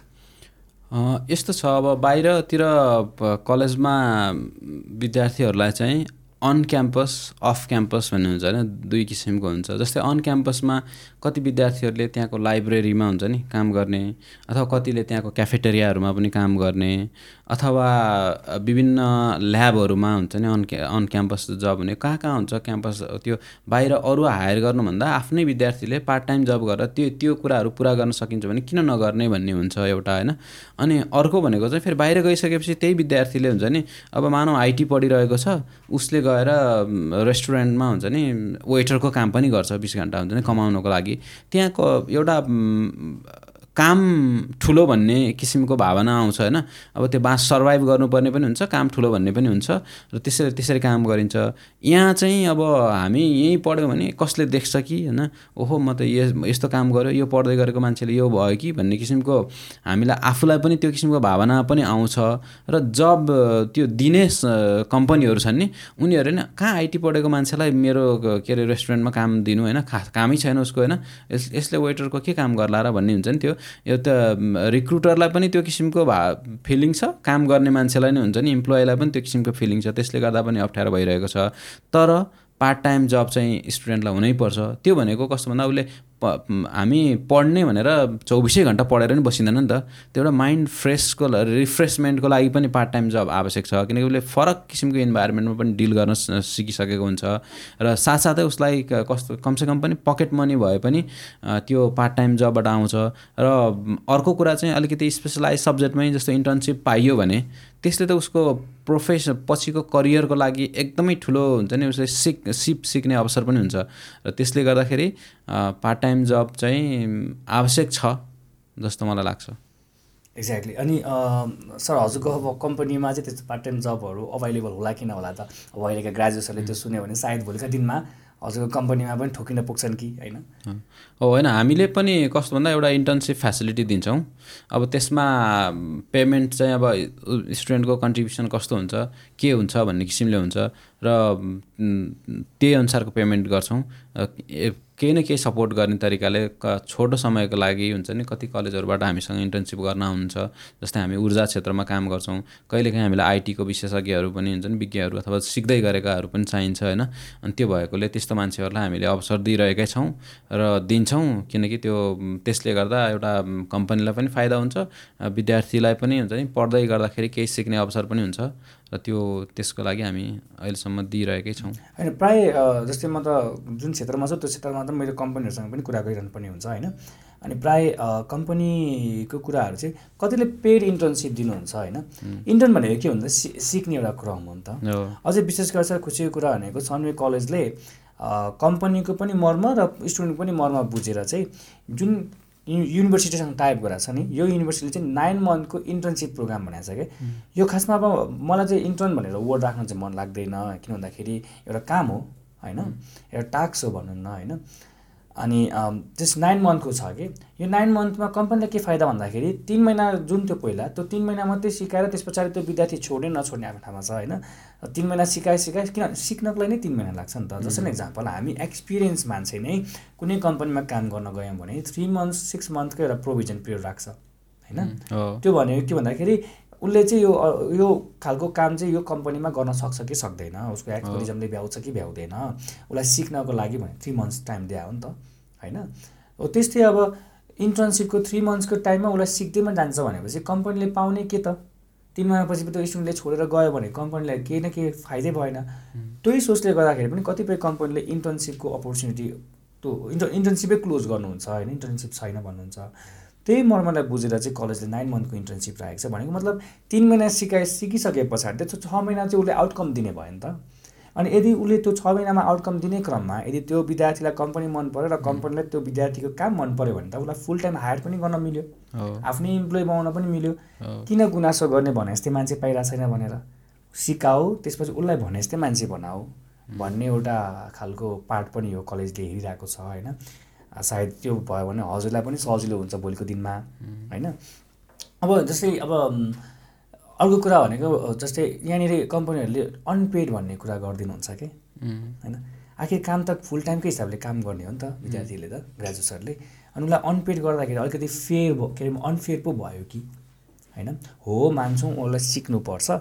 उसलाई सिक्ने क्रम हो तर अनपेड भन्दै भन्दाखेरि त सायद उसलाई सिक्ने क्रम सँगसँगै उसले त आफ्नो कन्ट्रिब्युसन पनि दिइरहेको हो नि त यहाँनिर। फुल टाइमको जस्तै फुल टाइमको इम्प्लोइ जस्तै कन्ट्रिब्युसन पनि दिइरहेछ नि त। अब त्यसलाई अनपेड नभनेकन बरु सायद ट्रान्सपोर्टेसन कस्ट लन्चको कस्ट बेहोर दिने पो हो कि। होइन मैले कतिपय कम्पनीहरूको यस्तो कुराहरू पाएँ क्या। अनि पाइसके पछाडि मैले कुरा पनि गराएछ। लाइक इट्स कम्प्लिटली अनफेयर भनेर होइन। किनभने अफकोर्स लाइक मेरो कम्पनीमा कोही आएर काम गर्छन् भने म सायद उसलाई पकेट खर्चसम्म त दिन सक्छु होला नि त। त्यो चाहिँ सोच्नु पऱ्यो भन्ने खालको कुराहरू होइन। अब सायद हजुरको कम्पनीमा पनि त्यस्तो खालको फेसिलिटिज छन्। हाम्रा विद्यार्थी अथवा अरू विद्यार्थीहरूलाई जानको लागि त्यस्तो प्रब्लम त नहोला होइन? सो म हजुरको प्रोफाइलहरू अझै अन्डरस्ट्यान्ड गरिरहेको थिएँ and then I came to know like हजुर इन्भाइरोमेन्टल इन्जिनियर भनेर हुनुहुन्छ होइन? पहिलो कुरा त यो very new new things for me like हुन्छ नि मलाई सफ्टवेयर इन्जिनियर थाहा छ होइन? मलाई मेकानिकल इन्जिनियर थाहा छ तर यो इन्भाइरोमेन्टल इन्जिनियर भनेको चाहिँ के हो त? होइन? अथवा ए इन्जिनियरले चाहिँ के चाहिँ गर्छ? अलिकति सेयर गरिदिनु पर्छ यस्तो छ हाम्रो इन्भाइरोमेन्टल इन्जिनियरिङ भन्नाले अब यो सबै फिल्डमा इन्जिनियरिङको फिल्डहरूमा टच गरेको छ यसले। किन यसले समग्रमा चाहिँ हामी बस्ने यो संसार छ नि पृथ्वी यसलाई चाहिँ कसरी हामी राम्रोसँग बस्ने सबै सेवा सुविधाहरू पाउने र त्यति पाउँदै गर्दा अर्को पुस्ता हुन्छ नि हाम्रा बच्चा बच्ची नाति नातिनाहरू उनीहरूको लागि पनि यो संसार राम्रो नै राखिदिने अथवा योभन्दा बढी राम्रो बनाइदिने भन्ने हुन्छ होइन? त्यो त्यो गर्नको लागि त के गर्नु पऱ्यो भन्दाखेरि यहाँ हामीले प्रदूषणहरू गर्नु भएन।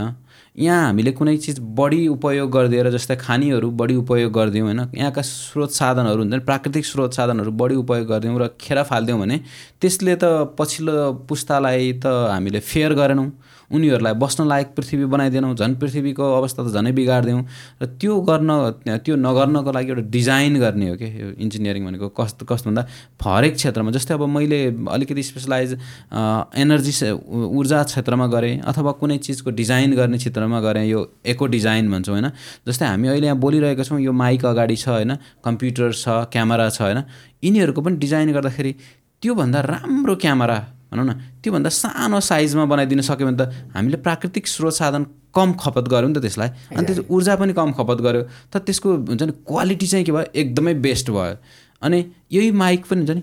योभन्दा अझै सानो बनाइदिउँ होइन चिटिक्क परेको। अनि त्यसपछि यसमा पनि के हुन्छ पछि रियुज गर्ने मटेरियल्सहरू धेरै राखिदिउँ। त्यो फाल्दा पनि हुन्छ नि फेरि प्रयोग गर्न सकियोस् क्या त्यसलाई। यो त मैले एउटा उदाहरण मात्रै दिएको होइन। जस्तै फोहोर मैला व्यवस्थापनमा त्यही हुनसक्छ वन जङ्गल संरक्षणमा त्यही हुनसक्छ भनेको हरेक क्षेत्रमा चाहिँ हामीले कसरी चाहिँ अलिकति डिजाइन हुन्छ नि राम्रो डिजाइन गर्ने र त्यसले गर्दा चाहिँ यो संसारलाई चाहिँ बस्न योग्य अथवा यहाँ प्रदूषण नहुने। प्रदूषण कम गर्ने अथवा प्रदूषण गर्दै नगर्ने हुन्छ नि अवस्थामा पुर्याउन सकिन्छ भनेर त्यो किसिमको अध्ययन अनुसन्धान गर्ने विषय हो यो। ए ओके।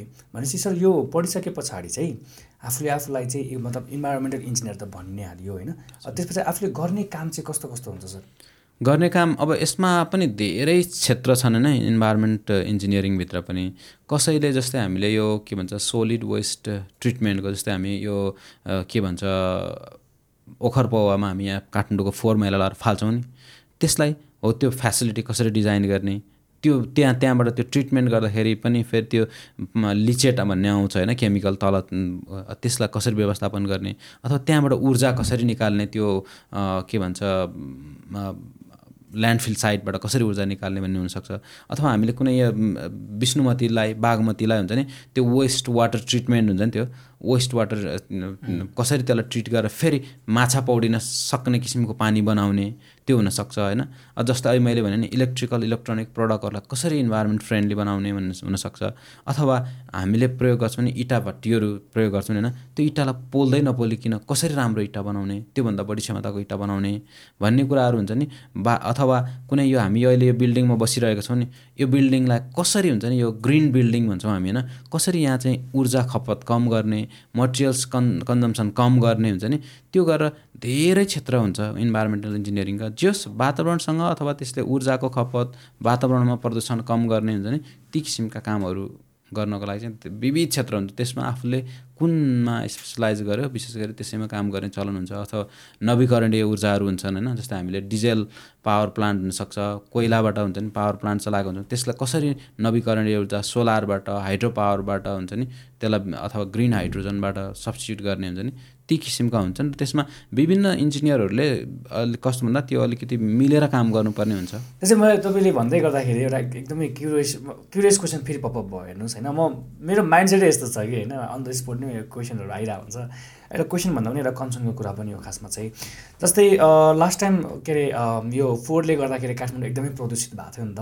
अनि अहिले पनि हेर्ने भने त्यो फोहोर व्यवस्थापन राम्रो छैन। नेपालको कुनै एउटा पार्टमा एरियामा गएर फोहोर फालिन्छ। त्यहाँ सङ्कलन गरिन्छ भनौँ या राखिन्छ भनौँ अथवा फाल्ने भनौँ होइन? तर पनि त्यो ठाउँमा चाहिँ भनौँ तपाईँको त्यो त्यसलाई चाहिँ के भन्छ त्यो युटिलाइज गर्ने खालको त्यो लेभलको केही स्ट्रक्चर हामीले बनाएको पाएनौँ कि I mean like there are company जसले चाहिँ त्यो वेस्टेजहरू चाहिँ त्यहाँबाट सङ्कलन गरेर अनि आफ्नो फ्याक्ट्रीमा ल्याएर गर्न चाहिँ गर्नुहुन्छ। तर मलाई चाहिँ एक हिसाबले लागेको जस्तै गभर्मेन्टले सायद यसमा अलिकति कन्सर्न राख्यो भने गभर्मेन्टलाई विन विन सिचुएसन यहाँ पनि छ कि? सायद त्यो प्राइभेट कम्पनी अलिकति सुस्त हुनसक्छ यो पार्टमा चाहिँ होइन? अब हजुरको यसको धारणा के छ त्यो तपाईँले सेयर गर्नु पनि भयो हुन्छ होइन? जस्तै फोहोर एक ठाउँमा जम्मा गर्ने मात्रै होइन कि? त्यो फोहोरलाई त्यहीँबाट सायद ठुलो खालको समथिङ भन्छ नि त्यो के भन्छ फायर मेसिन समथिङ प्रायः हामी विदेशमा त देख्छौँ नि त होइन? लाइक वेस्टेजहरूलाई त्यहीँबाट तपाईँको रिसाइकल गर्नको लागि यदि प्लास्टिक हो भने प्लास्टिक त्यहीँनिर पगालेर अरू सब्टान्सेसहरू बनाइरहेछन् होइन?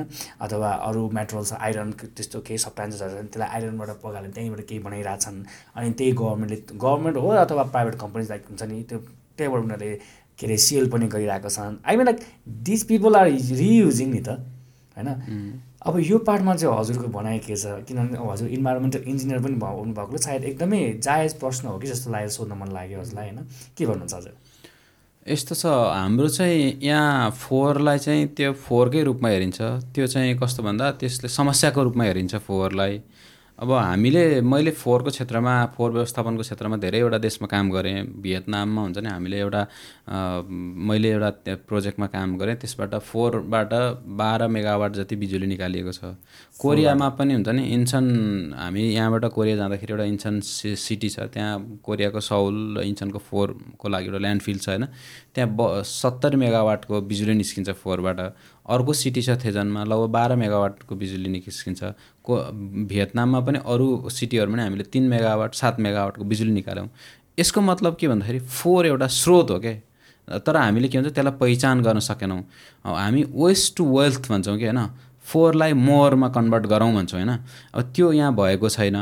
अब त्यस त्यो गर्नको लागि के भन्दा एउटा सरकारले पनि राम्रो किसिमको इनिसिएटिभ लिनु पऱ्यो र फोहोर मैला व्यवस्थापनमा हामीले एउटा फोहोरबाट ऊर्जा निकाल्न सक्छौँ। मैले भर्खर भनिसकेँ होइन? बाह्र मेगावाट सात मेगावाटको बिजुली निकाल्यौँ। हाम्रो ओखर पौवा ल्यान्डफिल साइडबाट पनि हामीले त्यही किसिमले हुन्छ नि बिजुली निकाल्न सक्छौँ। हो हाम्रो फोहोरको मात्रा त्यहाँको मा विदेशको जुन प्रोजेक्टमा मैले काम गरेँ त्योभन्दा थोरै छ। र एक दुई मेगावाट बिजुली निकाल्न सकिन्छ। अनि त्यसै गरी हामीले फोहोरलाई एउटा स्रोतमै छुट्यायौँ भने हाम्रो काठमाडौँको फोहोरको कम्पोजिसन हेर्ने भने साठी पर्सेन्टभन्दा बढी चाहिँ यो कुहिने किसिमको फोहोरहरू आउँछ। त्यो कुहिने किसिमको फोहोरहरूलाई हामीले कम्पोस्ट मल बनाउन सक्छौँ। कम्पोस्ट मल बनायो भने त्यसलाई के हुन्छ अर्ग्यानिक फार्मिङमा हुन्छ नि कम्पोस्ट प्रयोग त्यो अर्ग्यानिक फर्टिलाइजर प्रयोग गर्न पायौँ। त्योपछि हामीले अर्ग्यानिक उत्पादनहरू खान पायौँ र त्यो एउटा व्यवसाय भयो होइन अर्ग्यानिक फोहोर बेच्न बेचेर हुन्छ नि एउटा फोहोरको समस्या समाधान भयो। अर्को अर्ग्यानिक मल बनाएर बेच्दाखेरि अथवा कम्पोस्ट मल बनाएर बेच्दाखेरि त्यसले आर्थिक क्रियाकलाप पनि भयो र अर्थ उपार्जन गर्ने स्रोत पनि भयो। र त्यसले गर्दा एउटा हुन्छ नि हाम्रो वातावरण प्रदूषणमा पनि एकदमै सकारात्मक भूमिका खेल्यो। र त्यसै गरी ल्यान्डफिलमा जाने फोहोरहरूबाट पनि ऊर्जा निकाल्यो भने त्योबाट पनि फेरि स्रोतको रूपमा आयो पैसा कमाउने भयो र अनि त्यो हामी रिक्रिएसनल पार्क भन्छौँ कि? विदेशतिर गयो भने फोहोर यहाँ ल्यान्डफिल छ भने थाहै हुँदैन। तल ल्यान्डफिल हुन्छ होइन माथि उनीहरूको खेल्ने चौर हुन्छ नि बच्चा बच्ची खेल्ने हुन्छ नि त्यो चौरहरू राम्रो हुन्छ नि पार्कहरू बनाइरहेको हुन्छ। त्यहाँ फोहोर छ भने कतैबाट गन्ध आउँदैन। किन त्यो राम्रोसँग डिजाइन गरेको छ होइन राम्रोसँग व्यवस्थापन गरेको छ। हाम्रो यहाँ चाहिँ कस्तो भन्दा फोहोरमा राजनीति भइदियो। अलिकति उठाउने हुन्छ नि? यो टोलको यो वार्डको फोहोर कसले उठाउने भन्दा त्यहाँ जसले अलिकति राजनीतिक रूपले पकड बनाएको छ जसको रजगत छ होइन उसले मात्रै त्यो गर्ने त्योबाट कमाउने र एक ठाउँमा लगेर थुपारिदिने अनि त्यो लगेर फाल्यो होइन उसलाई पैसा आउने हुन्छ तर त्यही कुराहरू अलिकति फोहोरलाई राम्रोसँग व्यवस्थापन गरौँ कम्पोस्ट बनाऊँ त्यसलाई स्रोतमै छुट्याएर सिसाहरूलाई रि रिसाइकल गर्ने हो कि रियुज गर्ने हो कि फलामहरू हुनसक्छ होइन कन्स्ट्रक्सन मटेरियल्सहरू हुनसक्छ होइन त्यहाँ फालेका ती कुराहरूलाई सबैलाई छुट्याएर बेच्यो भने त्यसले धेरै मनज्ञ आम्दानी गर्न सकिन्छ र ल्यान्डफिलमा पनि हुन्छ नि हामीले गइसकेपछि त्यहाँ पनि एउटा सेग्रिगेसन हुन्छ नि एउटा स्टेप राखिदियो भने त्यसबाट फरक फरक फोहोरहरूलाई फरक फरक रूपमा छुट्याएर त्यसलाई स्रोतको रूपमा प्लास्टिकहरू फेरि हुन्छ नि बेच्न सकिन्छ। अन्य मेटलहरू बेच्न सकिन्छ। आम्दानी राम्रो आम्दानी हुन्छ र त्यसमा फोहोरको भोल्युम पनि घट्ने भयो। त्यसले गर्दा फोहोर व्यवस्थापनको समस्या पनि घट्ने भयो। त्यसबाट हामीले फोहोरलाई त के भन्छ पैसा कमाउने एउटा साधन बनाउन सक्यो। त्यसको लागि मात्र एउटा इच्छा शक्ति चाहिन्छ र राजनीतिमा फोहोरमा राजनीति गरिदिनु भएन र त्यो सम्बन्धी काम गर्ने टेक्निकल मान्छेहरूको राय सुझाव लिएर त्यही अनुसार काम गर्नु पऱ्यो र त्यसलाई दिगो रूपमा समस्याको समाधान गर्छु र यसलाई स्रोतको रूपमा प्रयोग गर्छु भन्ने किसिमको भावना भइदियो भने गर्न सकिन्छ। त्यो ठुलो कुरै छैन। अघि पनि हामीले अफिस किन कुरा गर्दाखेरि पनि यो अलरेडी सेयर होइन लाइक हुन्छ नि कुनै एउटा राम्रो खालको प्रोजेक्ट लिएर गभर्मेन्टमा आई मिन लाइक नेपालमै स्टार्ट गर्न खोज्यो भने गभर्मेन्टको त्यहाँनिर इन्टरफेरेन्सका कुराहरू जुन चाहिँ धेरै अगाडिदेखि पनि भइ नै रहेछन् होइन। इन्टरनेसनल कम्पनीजहरूले आफ्नो के भन्छ फ्रेन्चाइज यहाँ दिइरहेछन् मान्छेहरू लिइरहेको पनि छन् तर स्टार्ट गर्न खोज्दाखेरि गभर्मेन्टको त्यहाँनिर के अरे रोकछोकको कुराहरू पनि अथवा त्यहाँ आफ्नो पनि सबै मात्राको सेयरहरू राख्नुपर्ने भन्ने खालको कुराहरू पनि छन्। भनेपछि जस्तो हामी अलिकति पछि पढ्नुको मुख्य कारण चाहिँ त्यो पनि रहेछ भन्ने कुरा हामीले बुझ्न सक्यौँ होइन? हामी पछि यानि कि देश पछि परिरहेछ भन्ने एउटा मुख्य कारण त्यो पनि रहेछ होइन? जस्तै मैले तपाईँले भन्दै गर्दाखेरि जस्तै हामीले नेपाल अब आफू बसेकै एरियामा हेऱ्यो भने त्यहाँनिर एक ठाउँ एक घर पछि अर्को घरकै घर अगाडिको हेर्ने भने त्यहाँ पनि तपाईँको तपाईँको सिसाहरू सिसा बोतलहरू के अरे के भन्छ त्यसलाई? भनौँ न सङ्कलन गर्ने हाम्रो त्यहाँ देख्छौँ नि त होइन? अनि त्यो मतलब डिफ्रेन्ट डिफ्रेन्ट मान्छेहरूले त्यहाँ खोलिरहेको छन्। मलाई चाहिँ स्ट्राइक हुने भनेको त त्यो डिफ त्यसरी डिफ्रेन्ट डिफ्रेन्ट खोल्दाखेरि एक त एरिया पनि कस्तो अलिकति नराम्रो पो हो कि जस्तो देखिन्छ होइन? बरु एक ठाउँलाई एउटा एरियामा चाहिँ एउटा भनौँ न एउटा ठुलो खालको फ्याक्ट्री जस्तै बनाएर त्यो उठाउने मान्छे सबैलाई चाहिँ बरु त्यहाँ रोजगार दियो भने सायद उनीहरूलाई पनि रोजगार इन अ सेन्स अलिकति राम्रो पैसा हुन्छ नि पैसा दिएर एउटा रोजगारको वातावरण क्रिएट गर्यो भने सायद उनीहरूले आफूले त्यसरी खोलिराख्नु आवश्यक पर्दैन थियो होला अथवा त्यो समाज पनि राम्रो देखिन्थ्यो होला ठाउँ पनि राम्रो देखिन्थ्यो होला होइन? अनि त्यो ठुलो कारखाना छ भने सायद त्यो कारखानामा धेरैजनाले काम काम गर्न पाउँथ्यो होला सायद होइन? अब यसमा सायद गभर्मेन्टले के अलिकति ध्यान अलिकति दिनुभयो भने सायद त्यसमा एकदमै यो चाहिँ just not only for like हुन्छ नि अर्निङ भन्ने क्या it's also for like earning the डेभलपमेन्टको एउटा पार्ट हो पनि कि होइन? सायद समाज अलिकति राम्रो देखिने भयो नि त। तपाईँहरूले याद गर्नुभएको छ छैन? त्यो टिना फलाम कलर कलेक्ट गर्ने मान्छेहरू अब क कतिपयले सामान कस्तो अभद्र तरिकाले राखिरहेको हुन्छ नि त। जसले गर्दाखेरि आफू त्यो एरियामा हिँड्दैछ भने पनि कस्तो अलिकति नराम्रो देखिरहेको आफूलाई फिल हुन्छ नि त होइन? टोल समाज पनि नराम्रो देखिरहेछ भन्ने खालको। सो त्यसरी सबै के ठाउँमा सङ्कलन यो चाहिँ मैले किन भनेको भने सायद त्यो विदेशमा त्यस्तो देखेँ क्या मैले। लाइक लाइक एकजना मान्छेले ठुलो पोल्ट्री फार्म ल्याएको छ क्या अरू कसैलाई पनि त तपाईँले विदेशमा हेर्नु भने घर घरमा कुखुरा सुखुरा पालेको हामी देख्दैनौँ नि त होइन? एउटा एकजना व्यक्तिले मात्रै त्यो लिइरहेको हुन्छ अथवा एक दुईजना व्यक्तिले लिइरहेको हुन्छ ठुलो फार्म बनाएर गरिरहेको हुन्छ नि त। अनि त्यो ठुलो फार्म गर्दाखेरि एन्ड दिस पिपल लाइक हुन्छ नि also providing employments to other people अरूले पनि रोजगार पाइरहेको पनि छन् होइन? तर नेपालमा त हेर्नुहुन्छ नि प्रत्येक घरमा तपाईँको कुखुरा फार्म हुन्छ प्रत्येक घरमा भैँसी फार्म अथवा जे पनि भइरहेको हुन्छ नि त। अब यो तपाईँले चाहिँ कसरी लिनुहुन्छ सर यसलाई? मतलब मैले चाहिँ त्यो त्यो तरिकाले सो सोचिरहेको हुन्छु कि प्रायः। एक एकजना व्यक्तिले मात्रै एकजना व्यक्तिले इन सेन्स अथवा एकजना संस्थाले अथवा त्यो लियो भने सायद रोजगारको क्षेत्र पनि अगाडि बढ्ने भयो होइन? मान्छेहरूले आफ्नो घर घरमा पोल्ट्री फार्मिङ गर्नु परेन समाज राम्रो देखिने भयो त्यो दुर्गन्ध हुने भएन। भन्ने जस्तो लाग्छ मलाई चाहिँ। हजुर के भन्नुहुन्छ यसमा? यस्तो छ त्यो भनेको कस्तो भन्दा एउटा योजनाको अभाव हो होइन? अनि त्यसपछि व्यवसायीकरणको अभाव हो त्यसमा मैले देखेको कुरा। अनि हाम्रो यहाँ चाहिँ कस्तो भन्दा जनताहरूलाई एउटा सब्सिस्टेन्स भन्छ भने बाँच्नको लागि गर्नुपर्ने जस्तो भयो कि। व्यवसायीकरण भइदिएन। अनि त्यही मान्छेले एउटा गरामा खेतको गरामा प्याज लाउने अर्को गरा धान रोप्ने एकातिर कुखुराको खोर राख्ने अर्कोतिर गाई भैँसीको गोठ राख्ने दुई चारवटा बाख्रा पालन गर्ने हुन्छ नि। त्यो छ भनेको हेर्दाखेरि उसले यो इको सिस्टम नै उसैले एउटा एउटा घरमा इको सिस्टम नै चलेको जस्तो देखिन्छ। अनि त्यो हुनु हुँदैन। अब कस्तो भन्दा त्यसलाई अलिकति व्यवसायीकरण गरियो भने मानौँ अब बरु सामूहिक लगानी किन नहोस्? एउटा गाउँकै मान्छेले हुन्छ नि पुरै लगानी गरौँ दुई चार हजार रोपनीमा एकै किसिमको आलु खेती गरौँ होइन? त्यो भइदिएपछि के हुन्छ? हामीले त्यहाँ पाँच सय केजी आलु फलाएर यहाँ काठमाडौँबाट लिन कोही जाँदैन। तर त्यहीँ पाँच ट्रक आलु फलायो भने यहाँबाट लिन जान्छन् होइन? त्यो भनेको व्यवसायीकरण हुनु पऱ्यो र व्यवसायीकरण भएपछि अस्ति फोहोरकै कुरामा पनि भयो नि होइन? त्यो त्यो भनेको फोहोरलाई पनि अलिकति व्यवसायीकरण गरियो भने हामीले त्यसमा हुन्छ नि अब प्लान गर्दाखेरि कसरी फोहोर व्यवस्थापन गर्ने भनेर प्लान गर्ने अलिकति जिम्मेवार बनाउने हुन्छ नि। त्यसबाट अहिले हो त्यो स्क्र्याप मेटल्सहरू हुन्छ नि सङ्कलन गरेर एकै ठाउँमा थुप्रार्छन् होइन। तिनीहरूलाई पनि व्यवस्थित तरिकाले कसरी गर्न सकिन्छ? उनीहरूलाई राष्ट्रले हुन्छ नि सेवा सुविधा कसरी दिन सक्छ? करको दायरामा कसरी ल्याउन सक्छ? र उनीहरूको कन्ट्रिब्युसनलाई कसरी रिकगनाइज गर्न सक्ने हुन्छ नि? त्यो भन्ने कुरामा काम गरियो भने र त्यही अनुसारको हामीले नीति नियम बनाइयो भने चाहिँ त्यसले एकदमै राम्रो गर्छ र नत्र अहिले जस्तै हुन्छ नि हामी जस गरी खाने हुन्छ नि त्यो बाँच्नको लागि मात्रै गर्ने किसिमको चाहिँ हुनु हुँदैन र मानौँ एउटा घरमा पाँचवटा कुखुरा पाल्ने होइन। पाँचवटा घरले गर मिलेर बरु पाँच हजारवटा कुखुरा पालौँ होइन। हो त्यो भयो भने व्यवसायीकरण हुन्छ बजारीकरण हुन्छ राम्रोसँग तिनीहरूको ती हरेक क्षेत्रमा हुन्छ नि ती समस्याहरू त्यो सरकारले त्यसको लागि चाहिँ अलिकति सरकारले पनि सहयोग गर्नु पऱ्यो र अहिले चाहिँ के हुन्छ भने सरकारबाट जाने अनुदानहरू जो सरकारको नजिकको मान्छे छ नि उसलाई कुनै त्यो कृषि व्यवसायको थाहै हुँदैन तर उसले आठ दस लाख अनुदान लान्छ खान्छ होइन? अनि उत्पादन केही पनि हुँदैन। त्यसलाई चाहिँ हामी इनपुटमा अनुदान होइन? आउटपुट हुन्छ नि उसले गरेको उत्पादनमा अनुदान दिउँ भन्छौँ होइन?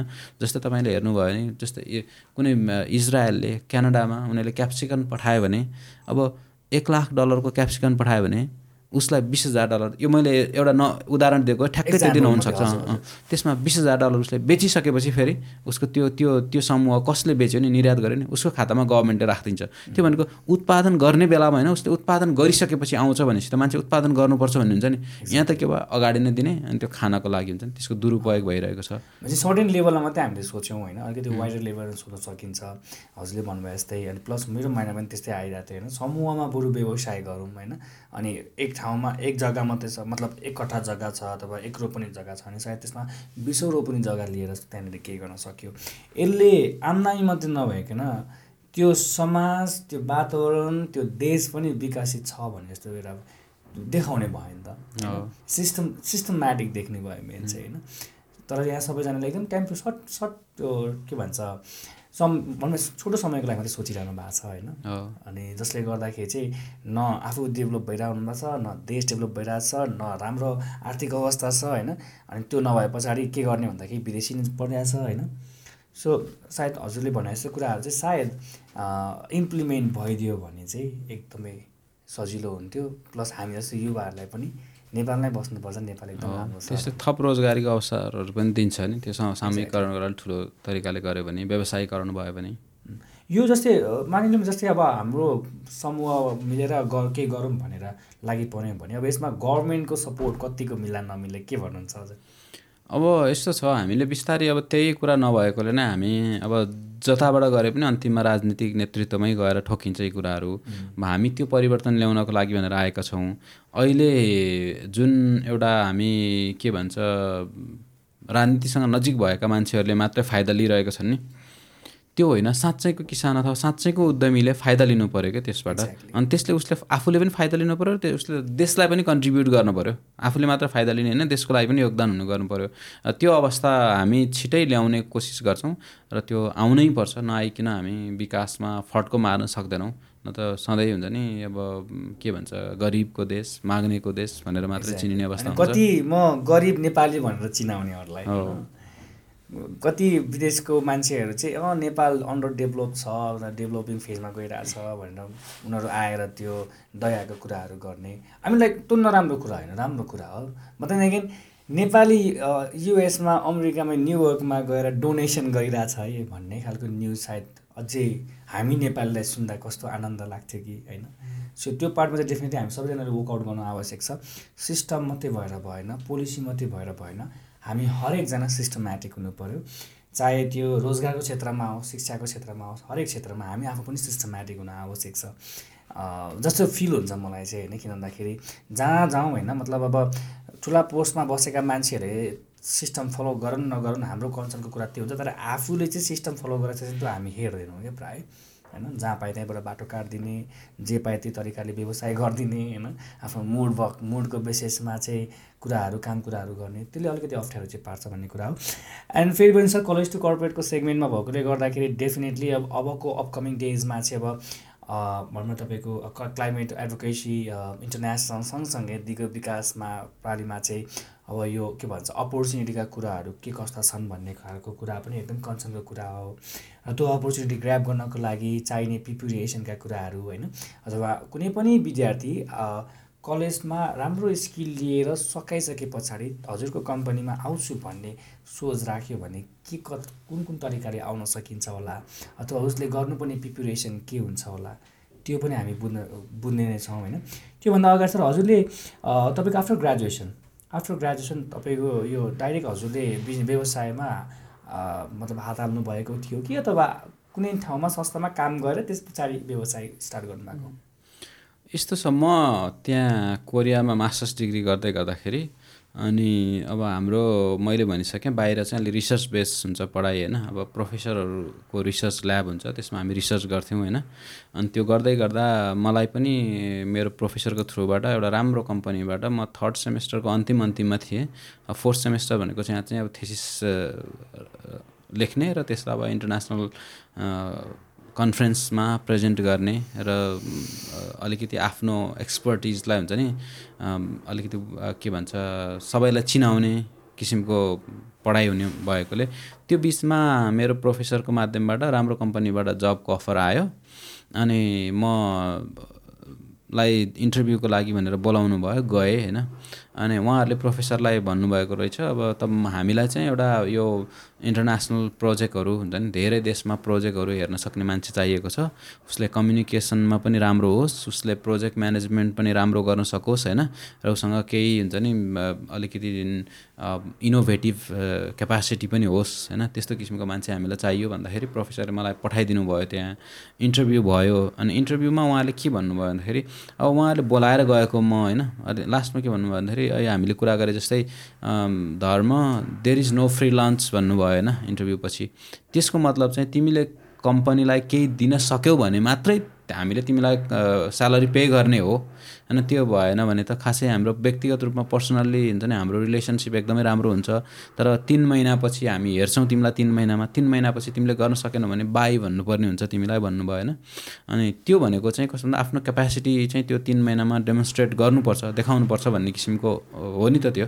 अनि म त्यही त्यही कम्पनीमा काम सुरु गरेँ र काम गर्दाखेरि मैले जस तिन महिनाको बिचमा धेरै राम्रो काम गर्दै होइन उहाँहरूको ठुला ठुला प्रोजेक्टहरू नेपालमा इन्डोनेसियामा हुन्छ नि प्रोजेक्ट मैले राम्रो प्रोजेक्ट डेभलप गरेँ। अनि त्यो प्रोजेक्टहरूमा हुन्छ नि फन्ड पनि आयो होइन? अनि त्यसपछि अब मैले ग्रो गर्ने हुन्छ नि अवसर भयो र मैले के भन्छ आफ्नो क्यापेसिटी देखाएँ र त्यस गर्दा हामी भर्खर त्यो ओभरसिज टिम डेभलप गरे मेरै नेतृत्वमा भएको थियो होइन।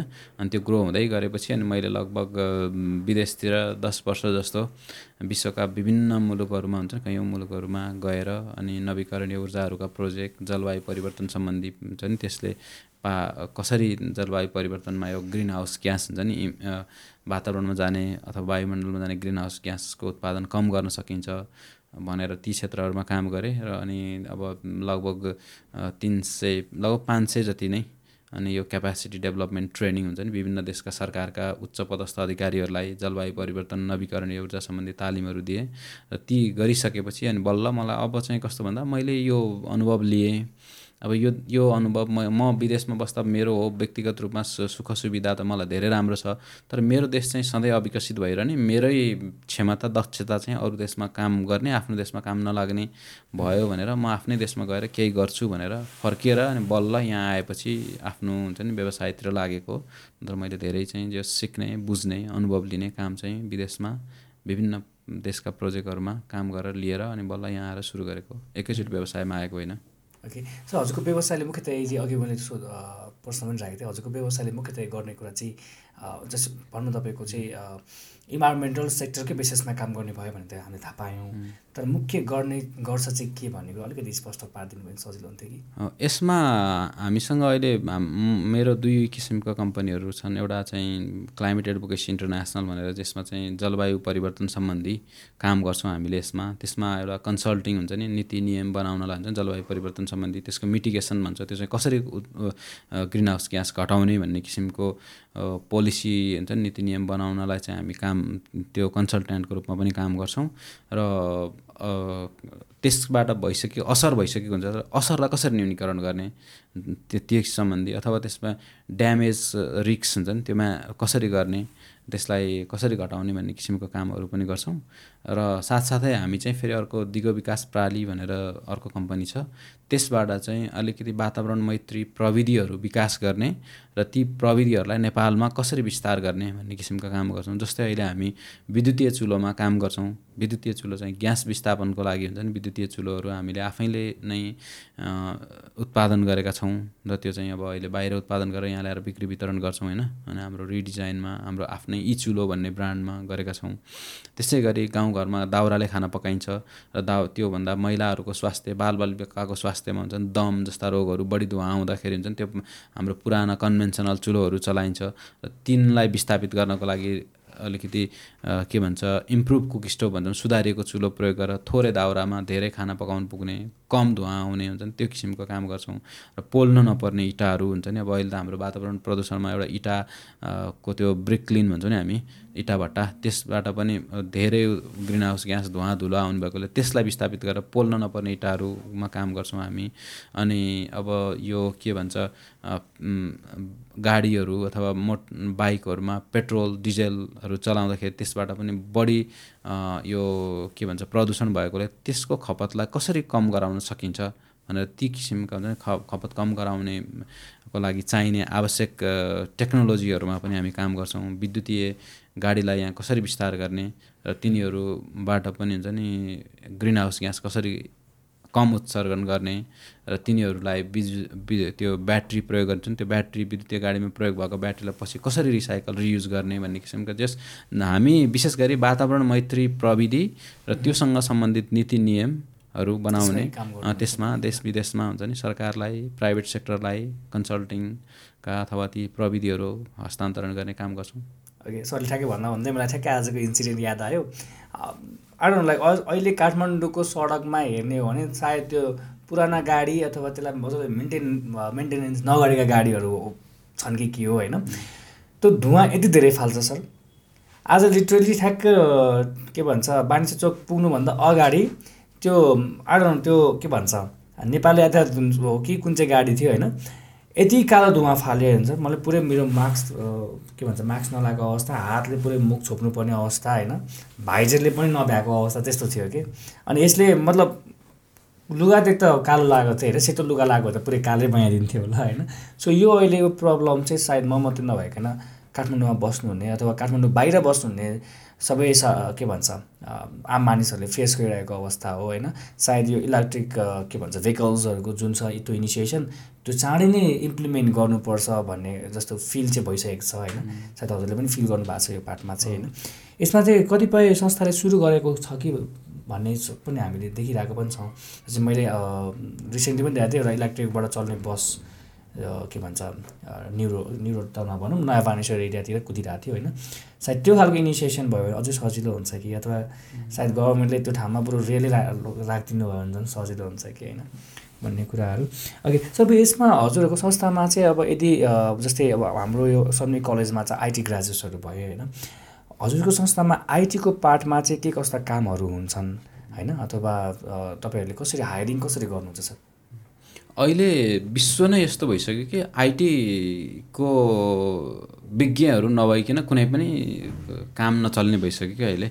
हरेक क्षेत्रमा हुन्छ नि आइटी चाहिने नै भयो। किन अब यो त्यसलाई एउटा डिजाइन गर्ने फेजमा होस् अथवा हुन्छ नि त्यसको बजारीकरण गर्ने फेजमा होस् अथवा त्यसलाई विभिन्न किसिमको इन्टिग्रेसन हुन्छ नि त्यो गर्ने के फेजमा चाहिँ यो इन्फर्मेसन टेक्नोलोजीको एक्सपर्टहरू चाहिने चाहिन्छ।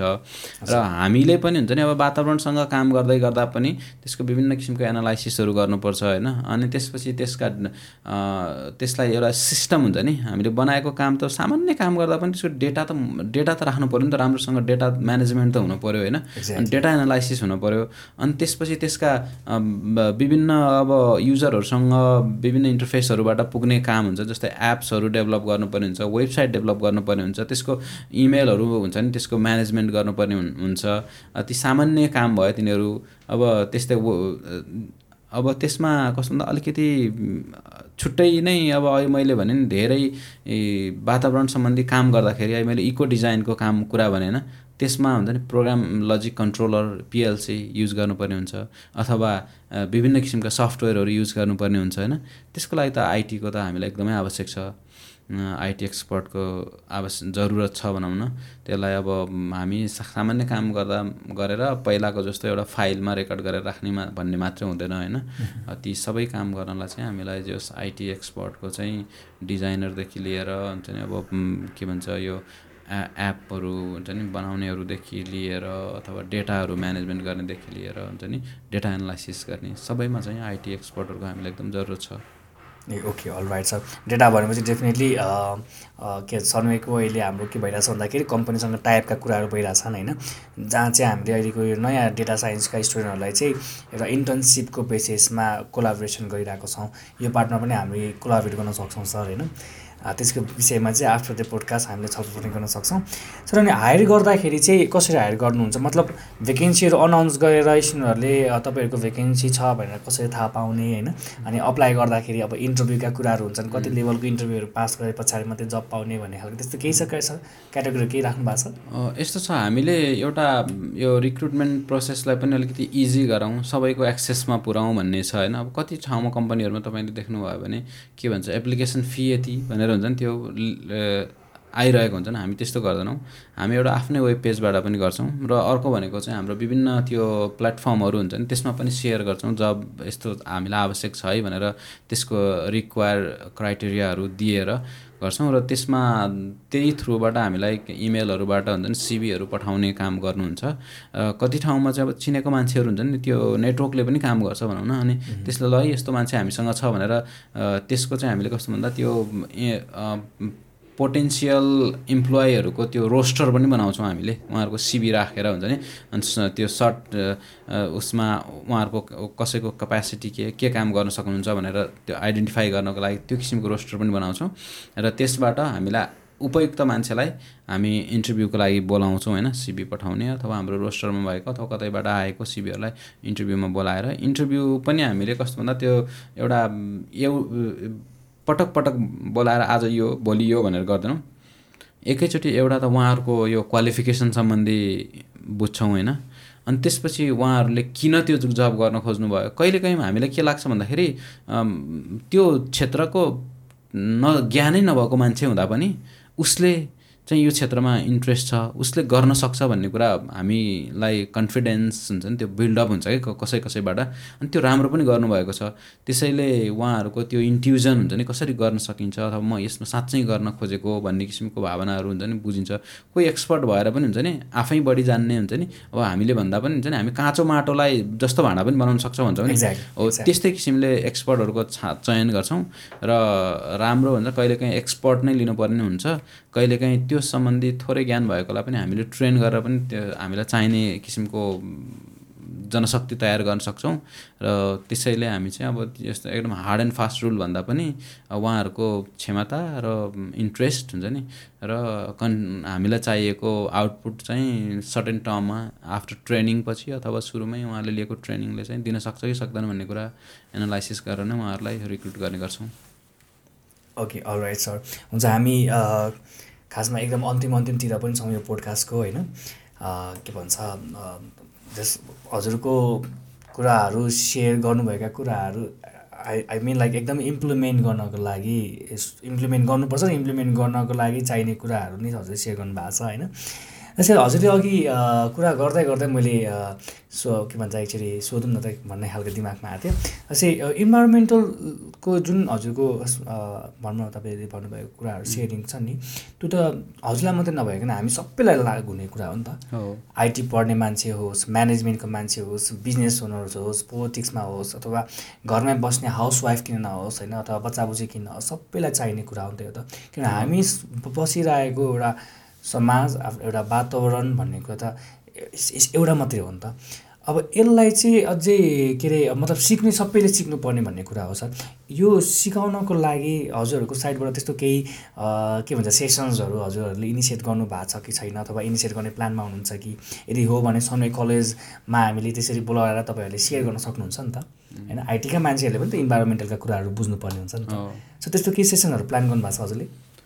यस्तो छ हामीले विभिन्न फोरमहरूमा हुन्छ नि विभिन्न वर्कसप फोरमहरूमा चाहिँ यो कुराहरू सेयर गर्छौँ होइन? अब त्यो चाहिँ गभर्मेन्टले अथवा प्राइभेट इन्स्टिट्युसनले अथवा कलेजले हुन्छ नि अर्गनाइज गरेको फोरमहरूमा गर्छौँ र आफैले नै फो त्यो गरेर चाहिँ अहिलेसम्म गरेको छैनौँ होइन?